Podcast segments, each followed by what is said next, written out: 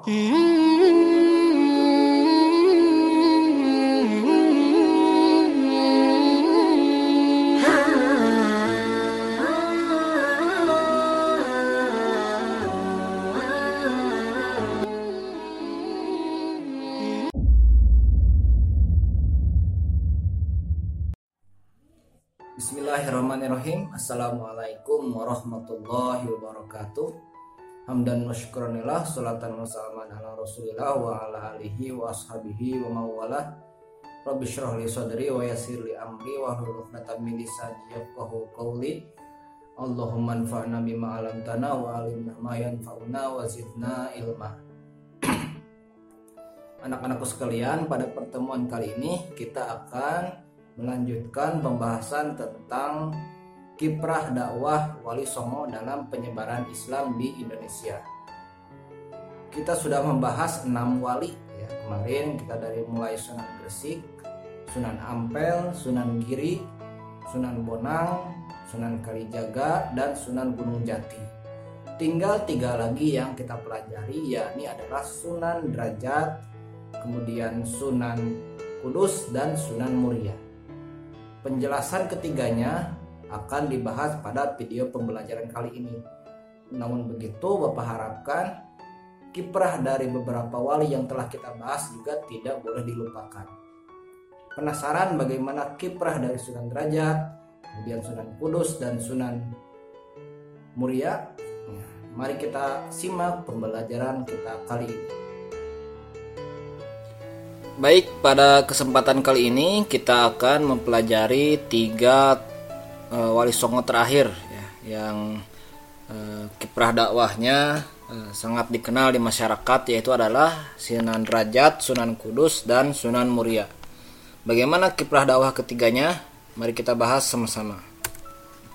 Yang pertama adalah biografi dari Sunan Derajat. Ya, Sunan Derajat lahir dengan nama Raden Kosim. Beliau adalah putra bungsu Sunan Ampel dari pernikahan dengan Nyai Ageng Manila. Oleh karenanya garis keturunan beliau adalah Jawa, Campa, dan Samarkan. Jawa tentu dari ibunya, Campa dari bapaknya Sunan Ampel, Samarkan dari kakeknya Syekh Ibrahim As-Samarkandi. Sunan Derajat dididik langsung oleh ayahnya Sunan Ampel. Lalu Sunan Ampel mengirim Sunan Derajat untuk belajar kepada Sunan Gunung Jati di Cirebon. Disebutkan bahwa kemudian Sunan Derajat menikah dengan putri Sunan Gunung Jati yaitu adalah Dewi Sufiah. Sunan Derajat juga dididik dengan pengetahuan ilmu, bahasa, seni, sastra, agama yang berdona, berdominan bercorak Jawa. Tentu karena keturunan dari ibunya. Oleh karena Sunan Derajat pun dikenal pandai mengubah berbagai jenis tembang Jawa seperti macapat, langgap, pangkur, jadi uh, Sunan Derajat beliau tentu karena anak langsung dari Sunan Ampel dididik oleh Sunan Ampel ayahnya di Ampel Denta uh, dengan kakaknya itu Sunan Bonang. Kemudian Sunan Derajat juga belajar ke Sunan Gunung Jati ya di Cirebon atau Raden Raden Sarip Hidayatullah Bagaimana kiprah dakwah Sunan Derajat? Ya, berbekal pengetahuan agama dari ayahanda dan dari Sunan Gunung Jati, Raden Kosim akhirnya kembali ke Ampel Denta. Atas perintah ayahnya, beliau berdakwah yang menyebarkan Islam di sekitar pesisir Gresik. Jadi setelah kembali lagi dari Cirebon, eh, justru oleh ayahnya diperintah untuk berdakwah di pesisir Gresik. Sunan Derajat dikenal dengan penyebar Islam berjiwa sosial tinggi dan sangat memperhatikan kesejahteraan sosial masyarakat. Usaha dakwahnya itu terlihat dari usaha dakwahnya ya jadi lebih menekankan kepada empati dan etos kerja etos kerja keras ya. Berupa kedermawanan pengentasan kemiskinan usaha menciptakan kemakmuran solidaritas sosial dan gotong royong setelah mendapat simpati ya baru diberikan pemahaman ajaran Islam. Jadi Sunan Derajat ini eh, strategi dakwahnya itu dengan eh, apa namanya pemberdayaan masyarakat dulu. Jadi masyarakatnya diberdayakan. Ini masyarakat diajari cara berdagang ya etos kerja keras bercocok tanam. Hampir sama dengan Sunan Gresik mungkin ya kalau kita sudah eh, review kembali ke belakang. Jadi masyarakat itu dibangun dulu eh, apa namanya tingkat sosialnya secara kulturalnya Kemudian setelah masyarakat tertarik ya, karena dakwah tersebut baru kita masukkan nilai-nilai Islam ke dalam masyarakat. Jadi sebenarnya kita bisa cari benang merahnya ya di antara para sunan ini strategi dakwahnya itu benar-benar cantik ya. Jadi secara kultural dulu baru dapat hatinya ya kalau kita Bapak ulangi ya dulu pernah Bapak bahas juga. Jadi kalau ulah orang itu udah dapat hatinya apa pun pasti diberi. Seperti uh, orang yang sudah menikah ya itu pasti wajib menyerahkan seluruh hatinya Sunan Derajat disebut mengajarkan masyarakat tata cara membangun rumah, yang membuat alat-alat untuk digunakan memikul seperti tandu dan joli. Jadi e, hal-hal yang utilities seperti itu ya, jadi e, dibuat oleh Sunan Derajat dan diajarkan kepada masyarakat. Di antara ajaran Sunan Derajat itu ada pertama adalah membuat senang hati orang lain, hati ya bukan hari. Hati orang lain ya kemudian selalu ingat kepada Tuhan. Kemudian raih cita-cita luhur dan hadapi rintangan. Kemudian berjuang melawan hawa nafsu, diam dan keheningan atau meditasi untuk mencapai kemuliaan. Kemuliaan lahir batin dengan sholat lima waktu dan dakwah sesuai dengan keadaannya. Jadi Sunan Derajat ini meninggalkan e, sebuah ajaran ya di antara tujuh ajaran ini. Ya. Tentu sampai sekarang bisa kita lihat, jadi nggak langsung mengajari tauhid ya bahwa Allah itu ini enggak ya, tapi diajarkan dulu secara hati ya bahwa akhlak ya cita-cita luhur tentang membuat orang lain senang ya anpa'hum linnas ya mungkin ya. Berjuang melawan hawa nafsu. Itu kan hal-hal yang emotif sekali ya emosional sekali dibangun. Nah setelah itu baru dimasukkan nilai-nilai akidah. Bagaimana kiprah dan strategi eh, strategi dakwah Sunan Derajat? Jadi seperti kita bahas ya eh, sebelumnya bahwa selain ajaran-ajaran yang sederhana dan berorientasi kepada kemakmuran masyarakat Sunan Derajat pun pandai dalam membangun komunikasi lewat kesenian dan telah menjadi daya dorong bagi dekatnya usaha dakwah dengan masyarakat. Sunan Derajat mengubah beberapa tembang macapat, pangkur, dan berbagai falsafah yang ada dalam kehidupan masyarakat. Nah, jadi ternyata Sunan Derajat ini selain dia berorientasinya untuk kemakmuran masyarakat sederhana sekali sebenarnya ajarannya, tapi bisa menjadi daya tarik bagi masyarakat untuk bisa mempelajari agama Islam. Kemudian juga lewat kesenian ternyata Sunan Derajat ya. Tentu Sunan Derajat e, beberapa diajari juga mungkinnya oleh Sunan Gunung Jati. Nah, di antaranya adalah e, kesenian karena keturunan juga dari ibunya ya, ibunya ada Nyi Ageng Manila. Oleh karenanya, strategi Sunan Dakwah Sunan Derajat bertumpu pada usaha-usaha kultural seperti pemberdayaan masyarakat dan kesenian. Juga tentunya melalui pendidikan akhlak kepada masyarakat. Jadi bisa jadi uh, kita simpulkan, jadi Sunan Derajat itu dia bangun akhlak masyarakat dulu, etos kerjanya, kemudian bangun ekonominya, baru dimasuki nilai-nilai Islam.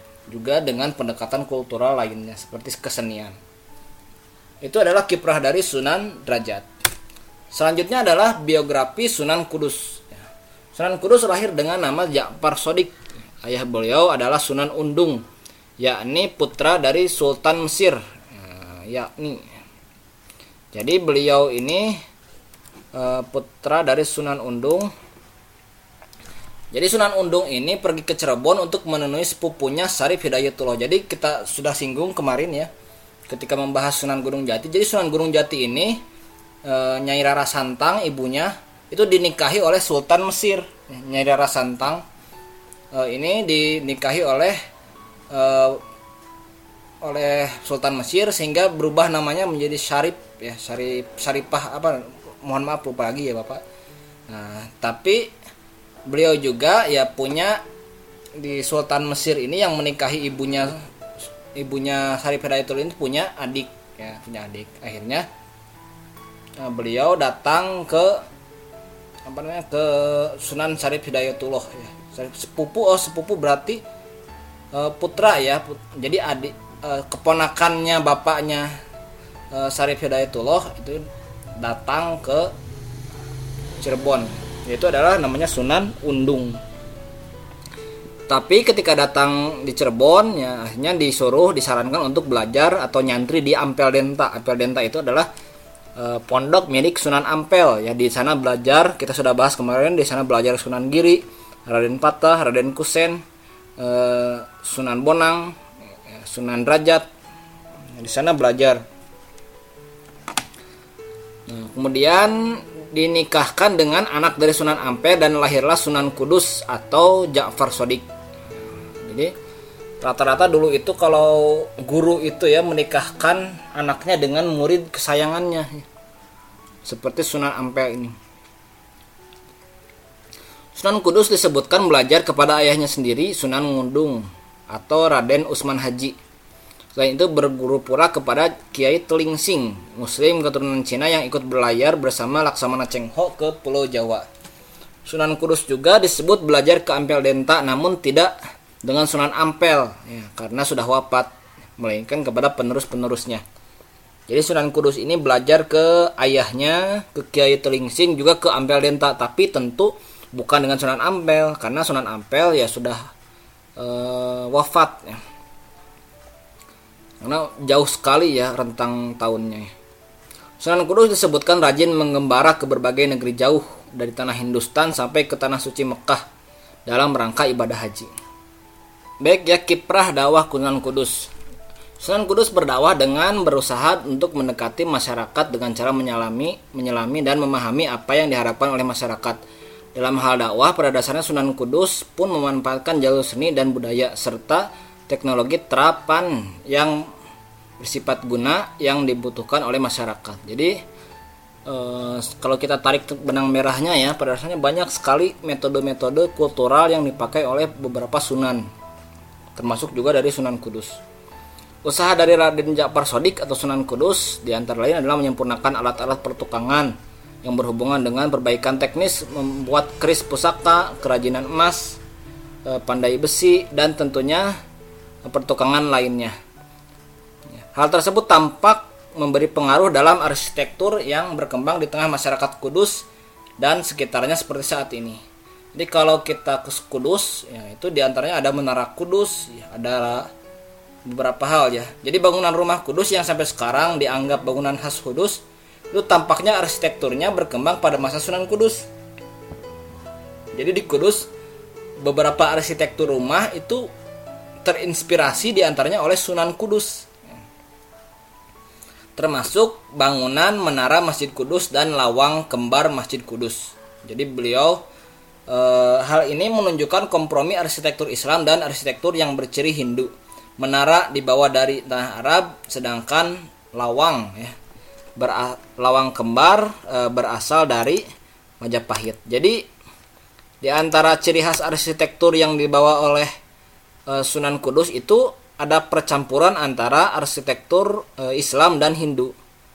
Kenapa? Ya karena dulu Islam tentu masih dalam tahap penyebaran ya masyarakat masih eh, banyaknya agamanya Hindu jadi untuk menyamarkan dakwah tersebut ya di antaranya adalah dengan arsitekturnya dicampurkan eh,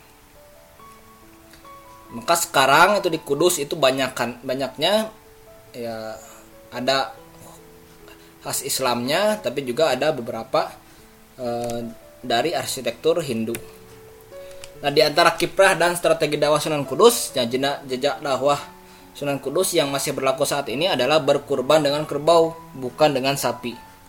Hal tersebut merupakan ajaran Sunan Kudus untuk menghormati orang-orang yang beragama Hindu dengan anggapan sapi merupakan hewan yang dihormati. Jadi, kalau orang-orang Hindu itu kan menganggap e, sapi itu sangat-sangat dihormati. Jadi sampai saat ini orang Kudus tidak berani melanggar pantangan Sunan Kudus tersebut. Artinya sampai sekarang di Kudus itu ketika Idul Adha yang yang disembelih itu adalah kerbau bukan sapi. Sunan Kudus dikaitkan paling tidak dalam tiga peristiwa besar. Yang pertama pertempuran melawan sisa-sisa kekuatan Majapahit di Kediri dalam rangka menegaskan kekuasaan Islam Demak. Jadi eh, ketika kerajaan Islam Demak oleh Raden Patah itu mulai berdiri dan mulai menguat sedangkan Majapahit mulai melemah nah, maka terjadi perlawanan dari Majapahit terhadap Demak nah, maka dilawannya itu dari pihak pasukan Demak oleh pasukan Sunan Kudus dan akhirnya meraih kemenangan yang kedua adalah menumpas gerakan Ki Ageng Pengging ya beserta Syekh Siti Jenar yang dianggap makar terhadap Sultan Demak. Jadi ada beberapa gerakan makar yang dieksekusi oleh uh, Sunan Kudus yaitu adalah Syekh Siti Jenar dan Ki Ageng Pengging. Kemudian ketiga keterlibatan Sunan Kudus uh, dalam suksesi tahta uh, Demak pasca wafatnya Sultan Trenggono. Jadi di mana dia memihak kepada muridnya yang setia yaitu adalah Arya Penangsang. Ini adalah tiga uh, ke kejadian ya yang erat dikaitkan dengan Sunan Kudus. Setelah meninggalkan Demak akibat per, perebutan kuasaan Raden Ja'far Sodik atau Sunan Kudus merintis bangunan Masjid Kudus yang saat ini legendaris ya, bahkan melebihi Masjid Sunan Agung Demak sendiri. Ya, disebutkan pula Sunan Kudus pernah menjadi hakim negara pada saat itu dan akhirnya Kudus menjadi daerah yang melekat pada sosok Raden Ja'far Sodik. Jadi di antaranya beberapa berbagai strategi dakwah tersebut, eh, beliau keseniannya dalam hal arsitektur ya arsitektur mengajari alat-alat untuk membangun kemudian seni bangunannya seperti apa ya itu adalah diajari oleh Sunan Kudus dan Sunan Kudus pun terlibat dalam politik di antaranya adalah e, mengabdi kepada kerajaan Islam Demak. Mana kerajaan Islam Demak kan Raden Patah kemudian e, kemudian ada yang kedua ya siapa ya? Kemudian Sultan Trenggono ya. Itu nanti eh, yang melatar belakangi eh, pemberontakan terhadap Majapahit kita akan bahas nanti di eh, bab tentang kerajaan-kerajaan Islam nah itu adalah strategi dan kiprah dakwah dari Sunan Kudus selanjutnya adalah Sunan Muria ya. biografi Sunan Muria Sunan Muria memiliki nama kecil Raden Umar Said atau disebut juga memiliki nama Raden Prawoto. Beliau diberi nama gelar Sunan di tempat beliau dimakamkan yakni Gunung Muria. Sunan Muria merupakan anggota Wali Songo paling muda di antara wali lainnya. Sunan Muria merupakan anak dari Sunan Kalijaga dari pernikahannya dengan Dewi Sarah putra Maulana Ishak. Dalam menempuh pendidikannya, Sunan Muria hampir sama dengan bapaknya Sunan Kalijaga, yakni melakukan uzlah yang mengasingkan diri dari masyarakat selama beberapa waktu kemudian kembali dengan membawa hal-hal positif Selain mempelajari agama dari ayahnya sendiri, Sunan Muria disebut mendapatkan pengajaran dari Sunan Ngareng, Ngerang, ya, Ki Ageng Ngerang bersama Sunan Kudus. Sampai kemudian beliau menikah eh, dengan menikahi anak gurunya tersebut yaitu Dewi Roy, Roy, Royono. itu adalah biografi dari Sunan Muria. Jadi Sunan Muria inilah Sunan paling bungsu ya, paling muda di antara beberapa Sunan yang lain. Eh, beliau adalah putra dari Sunan Kalijaga ya, atau Raden Said. Anaknya Raden Umar Said. Kiprah dakwah Sunan Muria. Ya, pendekatan dakwah Sunan Muria melalui mengikuti pendekatan ayahnya Sunan Kalijaga. Jadi tradisi keagamaan, keagamaan lama yang dianut masyarakat tidak dihilangkan melainkan diberi warna Islam dan dikembangkan menjadi tradisi baru khas Islam. Seperti tradisi bancakan dengan tumpeng untuk para leluhur diganti dengan kenduren ya, kenduri. Maaf.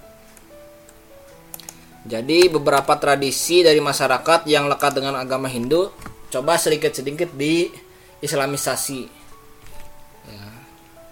Sunan Muria juga menjadi pencipta bagi tembang-tembang cilik atau sekar alit jenis sinom dan kinanti.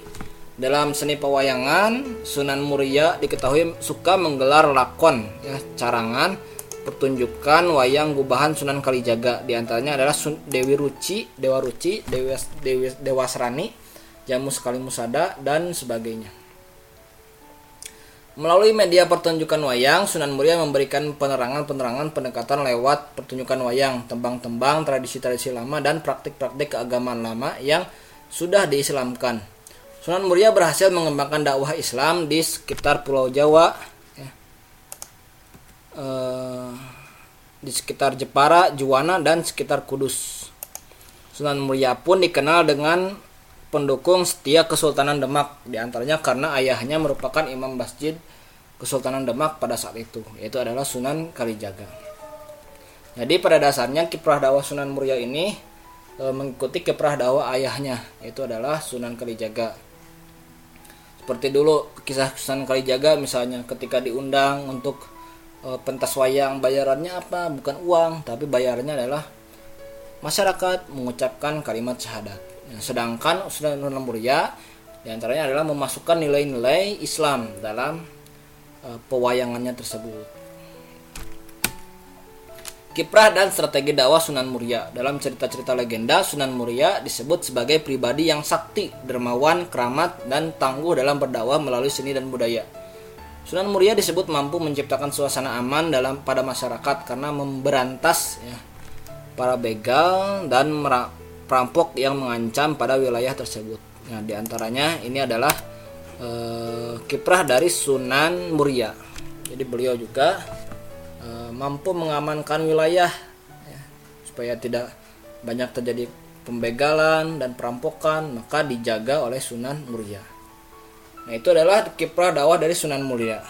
Jadi ketiganya sudah kita bahas. Yang pertama adalah Sunan uh, Derajat, kemudian Sunan Kudus dan Sunan Muria.